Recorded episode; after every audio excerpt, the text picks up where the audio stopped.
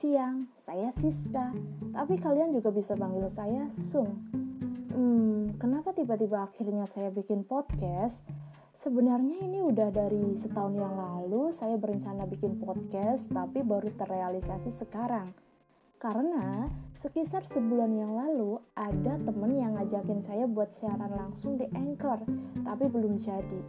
Terus saya mikir, kenapa nggak coba sendiri aja dulu? Thank you